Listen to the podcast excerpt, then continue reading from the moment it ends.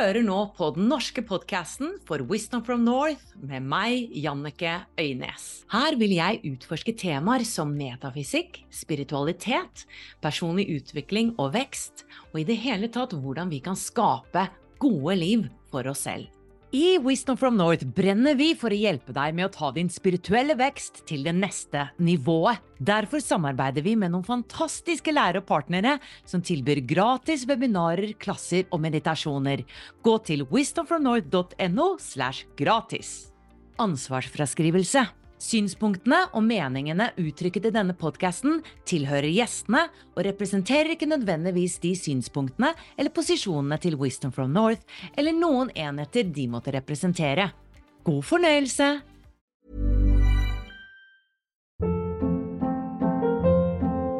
Hold up. What was that? Boring. No flavor. That was as bad as those leftovers you ate all week. Kiki Palmer here, and it's time to say hello to something fresh and guilt-free. Hello Fresh. Jazz up dinner with pecan-crusted chicken or garlic butter shrimp scampi. Now that's music to my mouth. Hello Fresh. Let's get this dinner party started. Discover all the delicious possibilities at hellofresh.com. Quality sleep is essential. That's why the Sleep Number Smart Bed is designed for your ever evolving sleep needs. Need a bed that's firmer or softer on either side? Helps you sleep at a comfortable temperature? Sleep Number Smart Beds let you individualize your comfort so you sleep better together. JD Power ranks Sleep Number number 1 in customer satisfaction with mattresses purchased in-store. And now, save 50% on the Sleep Number limited edition Smart Bed for a limited time. For JD Power 2023 award information, visit jdpower.com/awards. Only at a Sleep Number store or sleepnumber.com. Hei og velkommen til en ny episode på Wisdom from North. I dag skal du få møte en kvinne som jeg beundrer og ser opp til, og som har blitt en venninne etter hvert. Kristine Tsilling Tørå. Kristine er spesialpedagog og spesialiserer seg på angst, og hun hjelper folk å overvinne angsten. Og det som er så sterkt, er jo at hun har slitt med angst selv. Altså, i 2015 var hun på bunnen, og angsten gjorde at hun ikke kunne forlate huset. Men siden den gang så har hun funnet en måte å jobbe med angsten på som fungerte for henne, samtidig som hun følte seg trygg. Og det er dette her hun nå lærer bort i noe hun kaller Angstportalen. Og dette er en medlemsportal med folk som har ja, stor eller mindre angst, som hun da hjelper å overvinne denne angsten. Fantastisk arbeid. Og Kristine hadde lyst til å gi noe spesielt til alle som lytter til Wisdom from North, så dere kan få første måned for 50% når dere bruker koden angstfri. Og jeg skal legge lenken her et eller annet sted, så du finner den, til Angstportalen. Og når du da legger inn koden angstfri på månedsbetaling, så får du da 50% på første måned. Dette er kun for dere, folkens, og jeg vet ikke hvor lenge koden varer, så hvis du vil kikke innom, så bruk angstfri på Angstportalen, og da får du 50% avslag på første måned. Og Kristine og jeg har jo samarbeidet flere ganger. Hun er også en av lærerne våre i min medlemsportal, Wisdom from North, og der underviser hun i klassen Heal Your Childhood Programming. Og det er nettopp angst vi skal snakke om i dag. Vi skal snakke om depresjon. Vi skal snakke om hvorfor kanskje noen går til angst og noen går til depresjon når det er noe vi sliter med. Og hva er angsten? Hvorfor får man angst? Og hva kan vi gjøre med den? Og hvorfor er det så viktig å gi energi til healingen vår? Og bestemme seg for at jeg vil heale dette her, og være bevisst i sin healing. Så dere, len dere tilbake ha noe godt å drikke, kanskje du går på tur, uansett hvor du er. Kos deg med denne episoden. Hei, Kristine. Hjertelig velkommen skal du være. Hei, så hyggelig å få lov til å være med her hos deg. Jeg gleder meg til samtalen vår. Eh, vi har jo blitt etter hvert veldig godt kjent. Vi har jobbet sammen ved flere anledninger, gjort webinarer, og så har du også en masterklasse i mitt medlemskap som heter Healing Your Childhood Blueprint, eller noe rundt der. Jeg husker ikke helt tittelen. Men det handler i hvert fall om å hile sitt indre barn gjennom skyggearbeidet, og kanskje vi kommer inn på det i dag. Og mm. du driver jo Angstportalen, uh, hvor du hjelper andre mennesker med angst, og du har hatt mye angst selv. Og det vi har snakket litt om, da, hvor vi har hatt litt fellesnevnere, det er jo at uh, jeg har også hatt angst, men min store greie har vært depresjon. Og jeg tror av og til at når vi sliter med ting, så er det noen mennesker som går til depresjonen, og noen går til angsten. Eh, og det har jeg vært litt nysgjerrig på. Eh, jeg har jo hatt litt angst, men allikevel så er det depresjonen som på en måte var det store for meg. Ha, har du noen eh, vet ikke om det er noe svar på dette, men noen teorier om hvorfor det er sånn at kroppen vil håndtere et eller annet som da har skjedd, altså traumer i barndommen, mm. På enten angstmåten eller depresjonsmåten? Altså, forteller det noe om oss som eh, Hvordan vi har satt sammen, på en måte? Ja, absolutt. Vi har jo alle eh, nervesystem som reagerer litt forskjellig på ulikt stimuli. Og så har vi jo fight, flight, freeze, som er måte, de, de, vanligste måtene å reagere på. At du går i, i kampmodus, altså at du blir Kroppen hjelper deg til å ja, gå i kamp. Og så har du Eh, flyktmodus, som handler om at du rømmer. At kroppen din vil på en måte ta deg vekk fra den farlige situasjonen. Og så har vi frys. Eh, og frys da er vi jo litt mer oppover i depresjon. Eh, hvor mm. kroppen på en måte skrur seg av. Og det kan være ganske voldsomt. For noen kan du kan til og med få lavere temperatur i kroppen. Altså rett og slett frys.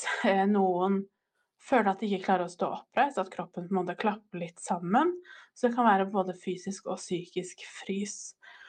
Og så vet man jo ikke helt hvorfor reagerer du akkurat sånn. Noe er kanskje arvelig, at din på en måte familie har den måten å reagere på. Ofte så ser vi jo at noen psykiske lidelser eller tilstander er jo noe som kanskje flere i samme familie har, som kan tyde litt på da, at det det er en viss arvelighet. Men så er det jo også miljøfaktorer. Og det å være oppvokst på en måte i samme miljø gjør jo kanskje også noe med hvordan du reagerer på det. Og da er det jo akkurat som du sier, at noen reagerer den veien, og andre, andre en annen vei. Veldig interessant, ja, for du snakker om dette nervesystemet. Kan du snakke litt mer om det? For det, det, kan jeg ikke så mye om, men jeg forstår at det er av og til så For jeg har jo gått en del til terapi eh, og stadig ønsker å utvikle meg, og så har da terapeuten sagt at nå er nervesystemet i spenn, selv om jeg ikke mm. føler at det er det. Kan du snakke mm. litt om det, hvor viktig det er at vi roer nervesystemet? Ja, jeg pleier å forklare det sånn at i nervesystemet så har vi en gass og en brems. Så vi er én del av det autonome nervesystemet som er aktivert når du er helt rolig, når du har hvilepuls, ehm, når det ikke skjer noe spesielt, du sover eller du er rett og slett i hvile da, i løpet av dagen. Og det som da skjer rundt i kroppen din, det er at alt som skal på en måte tikke og gå, det går sin vante gang. Så fordøyelsen går som den skal, eh, pulsen din er jevn, blodtrykket er på en måte normalt. Det er ikke noe spesielt som skjer. Men så blir vi utsatt for en eller annen trigger. Så du opplever noe i nåtid som hjernen din husker fra fortid var skadelig, utrygt eller farlig på noe vis. Og det gjør at hjernen din sender signaler til kroppen om at nå, nå er vi i livsfare her. Og da skrur kroppen din på gassen. Og det som da skjer, er at vi har egentlig en ganske fantastisk godt designa system som hjelper deg til å nettopp um, fight, flight eller freeze. Som gjør at hvis du opplever fare, så mobiliserer kroppen på en måte som gjør deg sterkere, sånn at du kan kjempe. Eller raskere, altså at blodet går til de store muskelgruppene f.eks. For, for at du kan flykte. Eller rett og slett hjelper deg til å fryse. Altså, altså at du må bare kollapse, eller du blir angrepet av en bjørn da med å være helt i ro. Um, som hjelper deg til å rett og slett holde deg trygg. Og det gjør den også da ved at den også regulerer ulike energibruk da i kroppen. Som f.eks. For fordøyelsen, som kroppen bruker veldig mye energi på i hvile. Det er ikke så viktig i en kampsituasjon. Som gjør at da gjør kroppen det den kan for å ikke bruke energi på fordøyelse. Du får økt magesyre, musklene i tarmen slapper av som gjør at man får mageproblemer eller man blir kvalm og alle de symptomene. Fordi alt annet blir skrudd opp.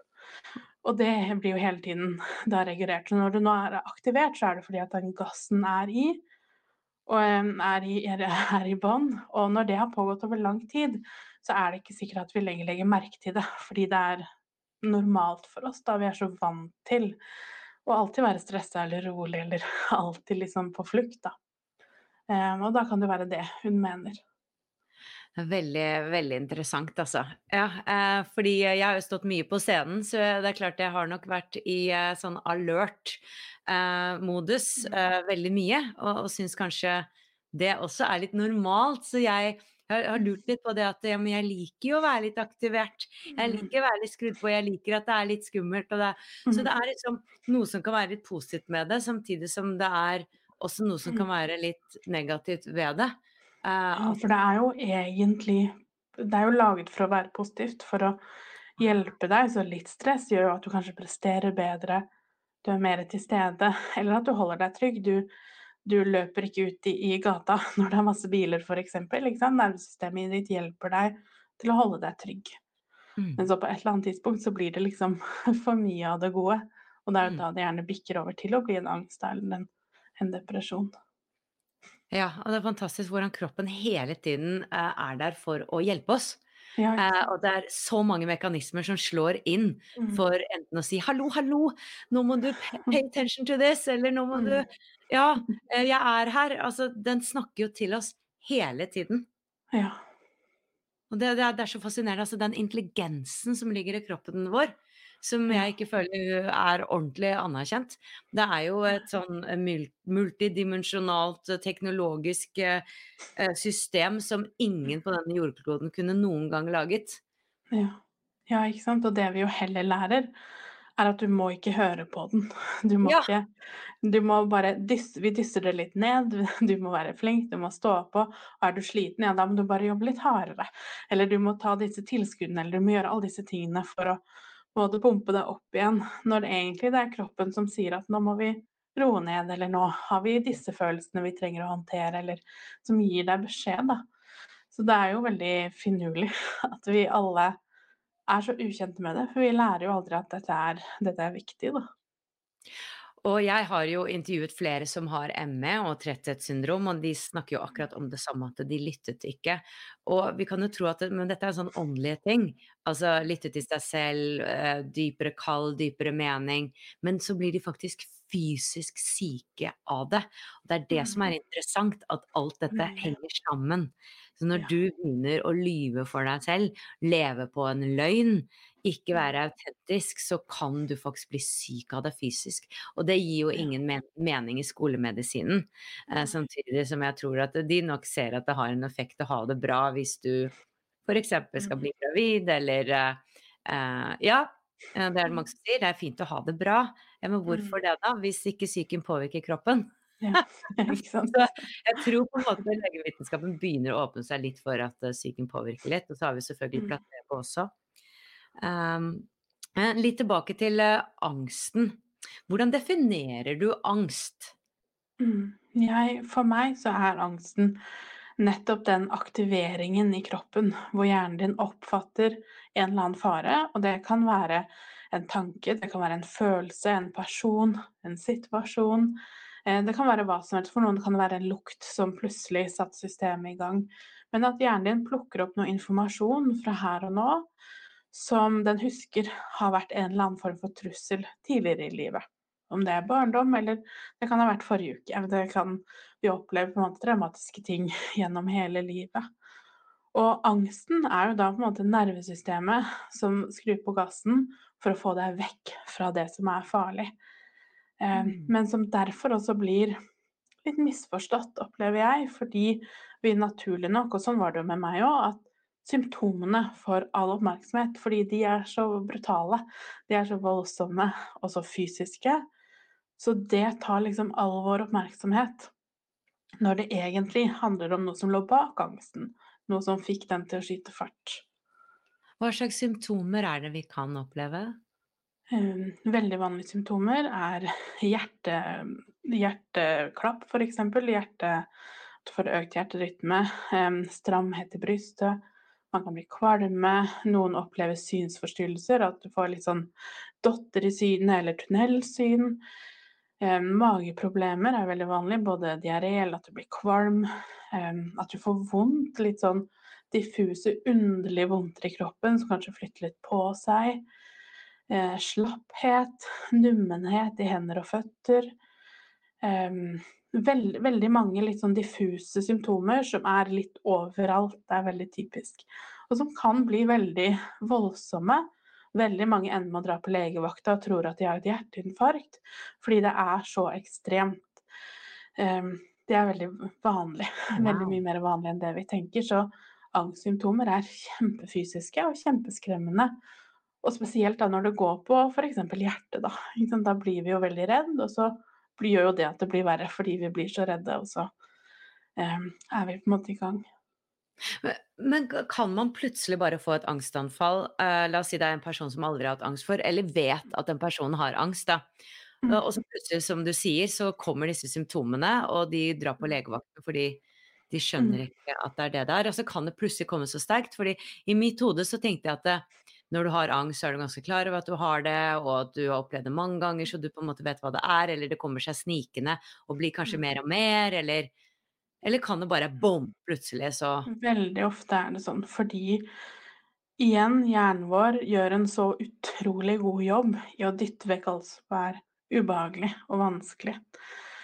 Og også hvis vi er oppvokst i, som jeg tror de fleste av oss er, et miljø hvor det å snakke om følelser ikke har hatt noe særlig plass, da. Det har ikke vært noe særlig viktig. Og derfor så lærer vi heller ikke å ta hensyn til våre egne følelser eller egne behov. Så vi vet ikke engang at vi strever veldig ofte før det bare smeller.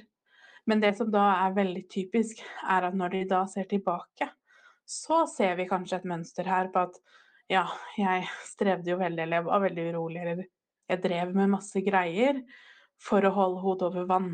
Men bevisstheten vår da er jo ikke alltid helt med. Så det oppleves som det plutselig smeller. Og det er jo klart, det er jo kjempe, kjempeskremmende når du ikke engang visste at dette var en, en greie. Ja, igjen så er jeg så fascinert over når kroppen sier nok er nok, og hjernen eller egoet vårt bare nei da, jeg kan dure på. Altså, så innerst inne så vet vi at det, det går ikke. Um, hva er, eh, hva er, løsningen? Altså, du har jo noen nervesystem-hacks annet, som du mm. snakker om i webinaren din, og sikkert i Angstportalen også, som vi skal snakke litt om. Uh, ja, hva er det vi gjør, da? Altså, for det er jo, la oss si, menneskelig i vårt samfunn å jobbe hardt. Uh, og to barn, tre barn, og så er vi kanskje kvinner som har um, kjempejobb. Uh, det er jo standardhistorien, ikke sant, og så går vi på en smell. Altså. Men vi må jo ta vare på disse barna og. Eh, det er jo demens og folk som krever av oss, og samfunnet som krever ting av oss. Så hva gjør vi? Eh, det jeg syns er veldig viktig, er å se på det her som en veldig lang eh, Eller én prosess. Og jeg deler den prosessen opp i tre deler. Så vi har den røde fasen, som er akuttfasen. Det er f.eks. du får det første panikkanfallet, eller du har veldig høy angst over tid, og du klarer ikke helt å roe deg ned. Og så har vi gul fase, som er når du Da har du fått hodet litt over vann. Du har begynt å få en forståelse for at å ja, dette er angst. Dette kan jeg jobbe med. Du begynner å forstå følelser osv. Eller i hvert fall at du, at du skal begynne å jobbe med følelser. Og så har vi grønn fase, som er vedlikeholdsfasen, hvor vi jobber mer med måte, hverdagsstresset. Så for de fleste begynner jo da i den røde fasen. Og det det handler om da, er nettopp å roe ned nervesystemet. Så hvordan kan vi rett og slett roe ned kroppen? Fordi at hjernen din er ikke i stand til å bearbeide den angsten du har, når den er i panikk. For da er det bare, det er bare panikk som eksisterer. Jeg må bare ut, jeg må bare kjempe, jeg må bare vekk. Og da må vi først roe ned trykket før vi kan behandle angsten. Eh, og da er det jo de noen triks vi kan bruke som kan hjelpe nervesystemet ditt, nesten manipulere nervesystemet litt, til å roe seg ned. Men alt av det vi bruker, er aldri noe quick fix. Det er aldri noe som Her er det ikke sånn at én ting funker for alle. Men det er ting vi kan gjøre for å roe oss ned der og da, sånn at vi seinere kan ta tak og jobbe med, eh, med det som ligger bak, da. Eh, for det er jo det som vil hjelpe angsten, og ikke det vi gjør her og nå, hvis det gir mening. Mm. Og for deg så var det jo ekstremt ille, og det syns jeg er en så fascinerende historie at det var så ille at du ikke klarte å gå ut av døren i 2015, som jeg sa i introen. Uh, og i dag så sitter du og prater om det, du skriver på bok, du har en angstportal med 300-400 medlemmer, og står i din kraft, da. Uh, og samtidig så har du også vært litt åpen om at uh, jeg er ikke kvitt angsten for godt. Altså mm. den kan dukke opp innimellom.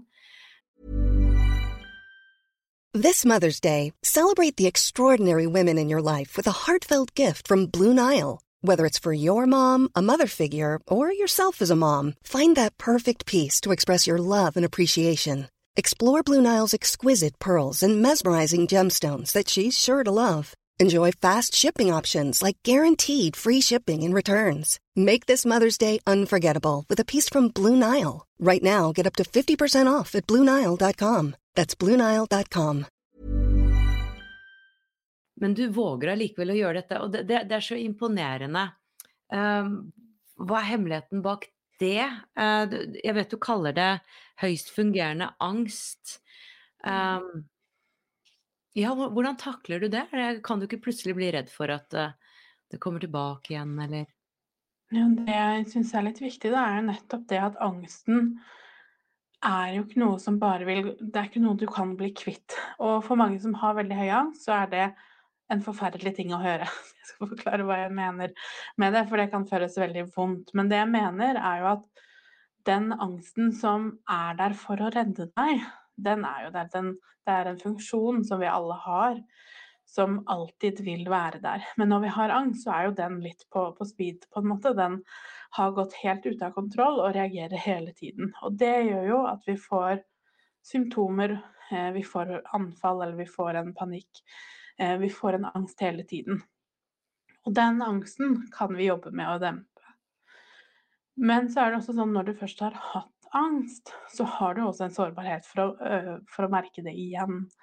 Og det jeg kan kjenne veldig for meg, er at i dag så er angsten mer et tegn på at jeg ikke har tatt så godt vare på meg selv. At jeg har mm. jobbet for mye, eller det har vært et eller annet stress eller press på noen måte som jeg ikke har håndtert. For noen ganger så kan jeg stå i en situasjon, og så har jeg glemt litt, på en måte. og tenke at oi, kanskje jeg også skulle ha hvilt litt, eller eh, som du sa i stad, det, det, å ha barn, eller bare det å ha et liv, egentlig, så er det mye stressere overalt. Og min kropp da reagerer med angst. Og det kan at jeg plutselig får mye hjertebank, at jeg kan føle meg litt urolig, litt engstelig. Som ikke kan sammenlignes med den panikken jeg hadde i starten. Men det er jo de samme symptomene, bare på en litt annen Kanskje på en litt lavere måte. Um, men som jeg i dag forstår hvorfor kommer. Så jeg vet at nå har jeg panikk, f.eks. For eksempel, fordi sånn og sånn, eller jeg prøver i hvert fall å lete etter hvor kommer dette fra, og hva kan jeg gjøre for å ta vare på meg selv i den situasjonen. Istedenfor mm. å kjefte på meg selv, eller på en måte ikke gjøre noe med det og bare dytte det ned, eller alle de tingene da, som vi veldig ofte tyr til for å dempe det. Ja, jeg kan kjenne meg veldig igjen, fordi at uh, jeg var jo en dypt deprimert person. Um, og jeg vet ikke om det var Jeg ble jo intervjuet av deg. Uh, om det var der jeg etter det, eller her nå. går litt tur. Um, men The Dark Night of the Soul den kan ligne litt på depresjon, men det er egentlig to forskjellige ting. The Dark Night of the Soul det er mer en sånn spirituell opplevelse av at uh, du plutselig ikke er connected med noe. Eh, kanskje du har hatt en nær connection med the divine, og så mister du den. Du føler deg helt alene, du føler deg helt lost. Um, så av og til så Det er to forskjellige ting, men de kan gå litt hånd i hånd også, eh, mm. tror jeg. Eh, og eh, ja, jeg går til depresjon, du går til angsten, liksom to forskjellige ting. Men allikevel for meg så opplever jeg at min depresjon også handler om eh, en spirituell utvikling. Det mm. handler om dette livet her, og ja, ting jeg har presset ned, som jeg nå har jobbet masse med og har det mye bedre og er ikke deprimert, men det er noen elementer der som kan dukke opp, en litt sånn tomhet, da, eh, mm. som jeg tror har med en sånn spirituell utvikling å gjøre. Og når da det kommer, så har jeg blitt mye flinkere til å ikke tenke jeg er, litt ødelagt. Ikke sant? Det var sånn jeg tenkte da jeg var deprimert. Jeg er ødelagt, jeg kan aldri fikses, jeg kan aldri bli happy. Nå er det mer at sånn som du, ikke sant, den kommer for å hjelpe deg. Hva er Mm. dette? Hva handler dette her om? Mm. Eh, kanskje noe jeg har oversett. Kanskje jeg skal kjenne litt på tomhet for å komme til mitt neste spirituelle nivå av utvikling. Sånn som jeg Det er mange aspekter, er mange perspektiver, men jeg intervjuet Magnus Støre, Jonas Støre, som er sønnen til statsministeren vår, som jeg synes sa det på så fin måte at det, de aller fleste mennesker leter etter en mening i livet, og mange ganger så sender vi de til lege når de føler seg tomme, og at uh, jeg finner ikke mening i livet, ikke sant, føler seg tomme om alt er meningsløst, og så vil vi sette dem på piller og rett tilbake til jobb. Ja, det er, det er bra at vi, vi må ha noe å gjøre og sånne ting, for det, det er lett at vi kan bli deprimert om vi ikke har noe å gjøre, men av og til så tror jeg vi trenger faktisk å tåle litt å være på det uvisse Mm. stedet som er føles meningsløst, fordi ut av det kan det komme noe meningsfullt. Mm. Må vi bare tåle å ikke Mm. vite, tåle det uvisse, eh, tåle smerten, tomheten, ikke-løsningen. Fordi ut av det, altså det er egentlig en overgivelse. Mm. Ut av det kan det komme noe nytt. Ja. Ut av ingenting så kommer det noe. Eh, Mm. og den, der er jeg litt i mitt uh, arbeid nå, mitt spirituelle arbeid, er at uh, ting jeg ikke har noen løsning på, hvor jeg, jeg skal kontrollere, jeg skal ha en løsning, der er det jo ikke noe annet å gjøre enn å overbevise. Mm. Har jeg en følelse som jeg ikke kan på en måte gjøre noe med, da jeg har ikke noe annet valg enn å Ja, der er den. Anerkjenne den, akseptere den, og ikke beat myself up about it. Og så Mm. merker jeg da at da er det en vekst og en transformasjon som skjer. Og når jeg da også har det sjeleperspektivet at det, dette er for en grunn. Det er Mm. ikke noe feil. Det er kroppen, det er sjelen, det er høyere selv som Mm. gir meg denne opplevelsen for en grunn. Da skal ikke jeg dytte den ned under teppet og dømme den og tenke jeg skulle ha kommet så mye lenger. Hva vet Mm. jeg om det? Mm.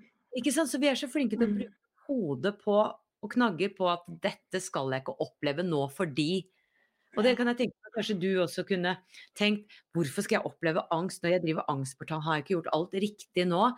Og Mm. for eksempel har eh, tretthetssyndrom som plutselig får et tilbakefall. Jeg har gjort Mm. alt riktig! Så Ja. da har jeg gjort noe feil. Nei, ikke Mm. nødvendigvis.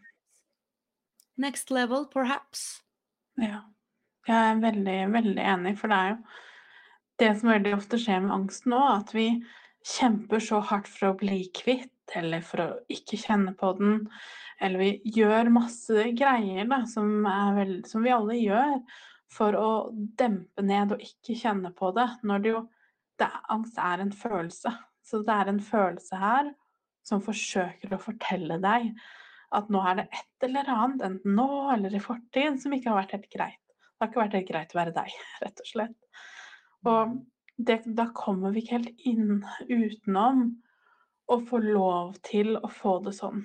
Og slutte det rushet etter at når vi skal tilbake til jobb eller opp på hesten igjen. Ikke sant? Vi må bare kjempe på. Eh, Når man opplever sorg, f.eks., så er det jo så vanlig at vi får høre at nei, vi må bare komme oss tilbake igjen. Ikke sant? Tilbake til rutinene, tilbake på jobb.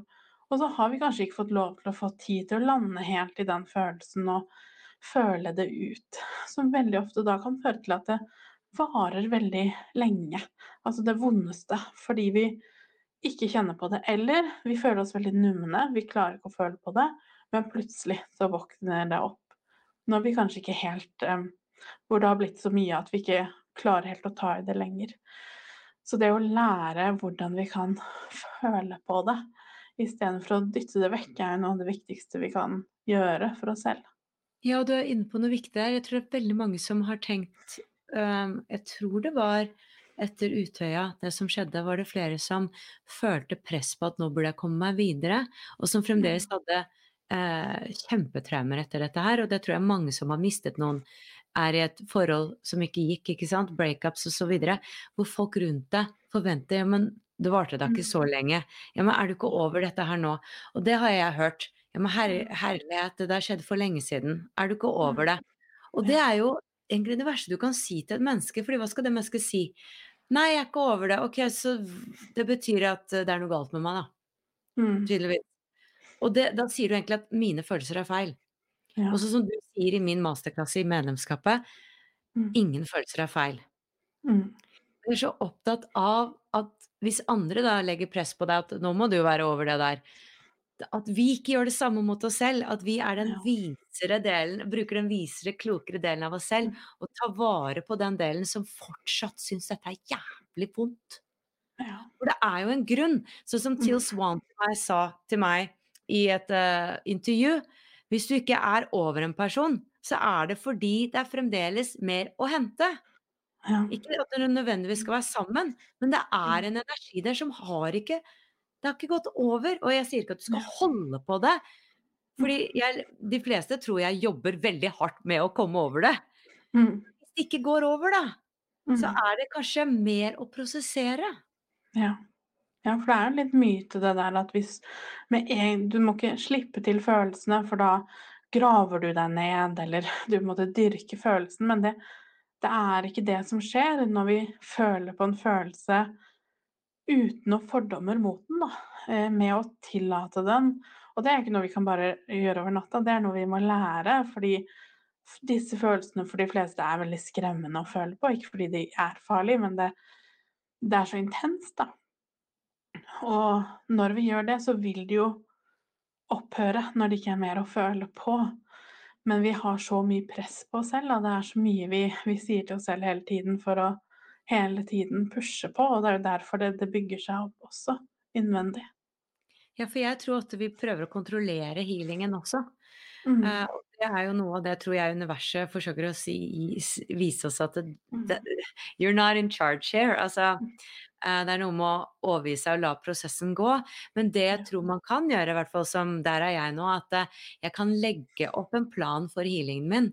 eh, fordi jeg kjenner ok, her er det noe jeg trenger å jobbe med. Ok, hva kan jeg gjøre? Jeg kan gå til angstportalen. ikke sant? Jeg kan eh, ta kurs. Jeg kan få en Mm. terapeut, jeg kan få coacher.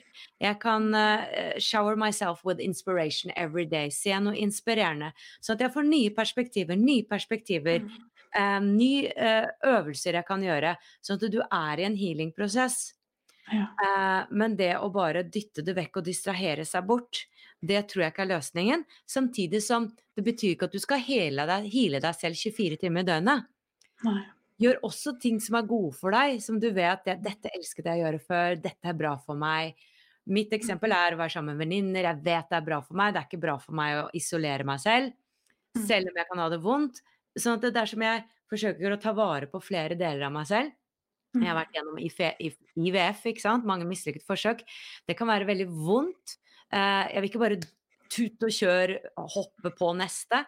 Jeg vil jo ta inn liksom, spontanabort som jeg hadde. Jeg vil jo ta inn dette sørge, men samtidig så kan jeg gå ut og ha det hyggelig med venninner. Jeg skal ikke ikke unne meg det. Så jeg tror disse prosessene skjer litt samtidig, da. Absolutt.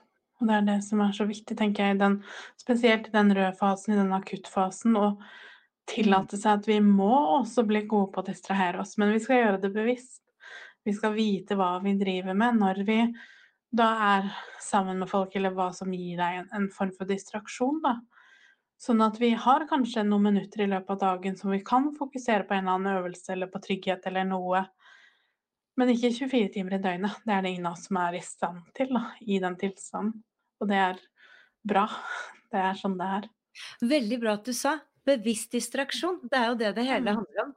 At du Ja. er bevisst i din healing. Mm. Istedenfor å, sant, som vi bare har snakket om, autopiloten. Alle andre sier du burde sånn, du, du, og Gud. Og så lager du egentlig en vondere følelse av at jeg er så mislykket, som Ja. da er i, i um, underbevisstheten din, som kjører Mm. videre. Ja. Så bevissthet, det ja, betyr så mye. Og jeg har skrevet ned på arket mitt her eksponering. Er det en eh, Det, det ble jeg litt nysgjerrig på. Um, er det en taktikk du kan bruke i healingarbeidet? Når vi jobber med, med angsten, så kommer vi ikke utenom eksponering. For eksponering handler om å på en måte omprogrammere hjernen din til at den tingen er trygg. Eh, For noen kan det være fysiske ting som å kjøre bil eller gå på butikken. Eller det kan være å føle på sorg, føle på en følelse, tillate en tanke. Rett og slett uansett hva du har angst for, så er eksponering gjeldende. Men det som er da viktig å vite om, er at det skal vi gjøre når vi er klar. Veldig ofte så får vi det som det eneste verktøyet. At du må gjøre noe hver dag du er redd for. Du må pushe deg ut igjen. Ehm, men det jeg er så opptatt av, er at vi må etablere en trygghet først. Fordi eksponering har ingenting for seg hvis ikke vi kan gå ut av situasjonen og føle oss rolige. Som betyr jo at vi kan ikke kaste oss i krigen og så rømme hjem igjen, og så forvente at det skal gjøre noe positivt. For det gjør jo egentlig mer negativt. Både fordi du føler deg mislykka, fordi jeg fikk ikke til det her engang, men også fordi at hjernen din får nok informasjon om at yes, dette var farlig, så dette skal jeg i hvert fall aldri gjøre igjen. Så når vi eksponerer oss, så må vi gjøre det på, på en så liten vanskelighetsgrad i starten at vi klarer å stå i det, stå i følelsen, til det går over.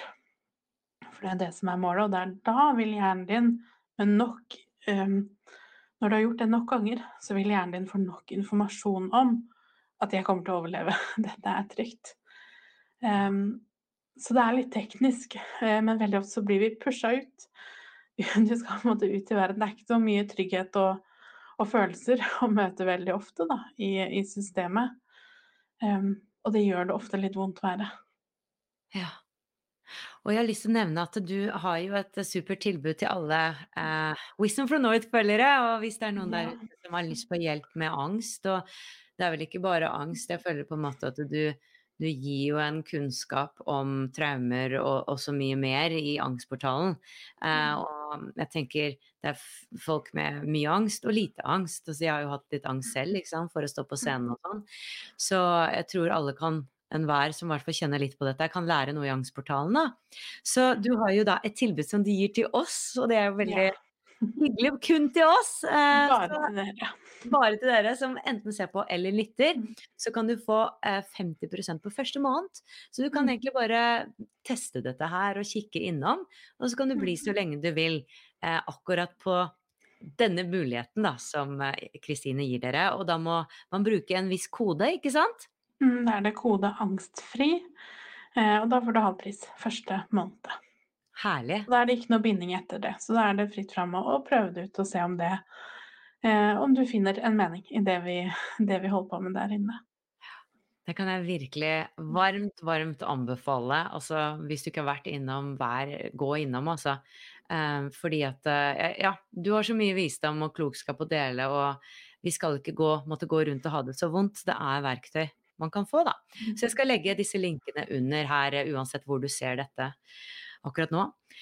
Er det noe du har lyst til å avslutte med, Kristine, i dag?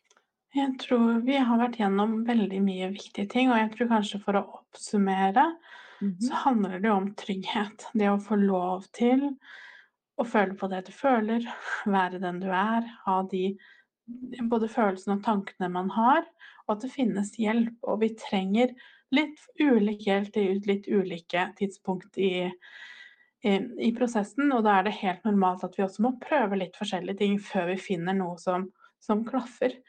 Um, så hvis du nå kjenner på at, at, det ikke er noe for deg å gjøre, eller at du ikke finner den hjelpen du trenger, så er det alltid mulighet. Uh, men dessverre må vi ofte lete litt. Så det er også helt normalt å, å føle på det. Og det har jo vi gjort. Og i, i hvert fall jeg har lett mye i mitt liv. Og eh, det er derfor Wisdom from North står for forskjellige perspektiver. Og i vårt medlemskap så har vi jo din masterklasse, ikke sant. Men også mange andre masterklasser innenfor forskjellige perspektiver. Så, um, og vi har jo snakket om i dag at vi trenger individuelle ting. Og at vi reagerer forskjellig. Så bare husk, det er en vei for deg òg. Det, eh, det er alltid en løsning for oss alle. Mm. Takk for at dere lyttet eller så på, og takk for at du stilte opp i dag, Kristine. Takk for at jeg fikk være med. Ever catch yourself eating the same flavorless dinner three days in a row? Dreaming of something better? Well, HelloFresh is your guilt-free dream come true, baby. It's me, Gigi Palmer. Let's wake up those taste buds with hot, juicy pecan-crusted chicken or garlic butter shrimp scampi. Mm. Hello Fresh. Stop dreaming of all the delicious possibilities and dig in at HelloFresh.com. Let's get this dinner party started. Mom deserves the best, and there's no better place to shop for Mother's Day than Whole Foods Market. They're your destination for unbeatable savings, from premium gifts to show-stopping flowers and irresistible desserts. Start by saving 33% with Prime on all body care and candles. Then get a 15-stem bunch of tulips for just $9.99 each with Prime. Round out Mom's menu with festive rosé, irresistible berry chantilly cake, and more special treats. Come celebrate Mother's Day at Whole Foods Market.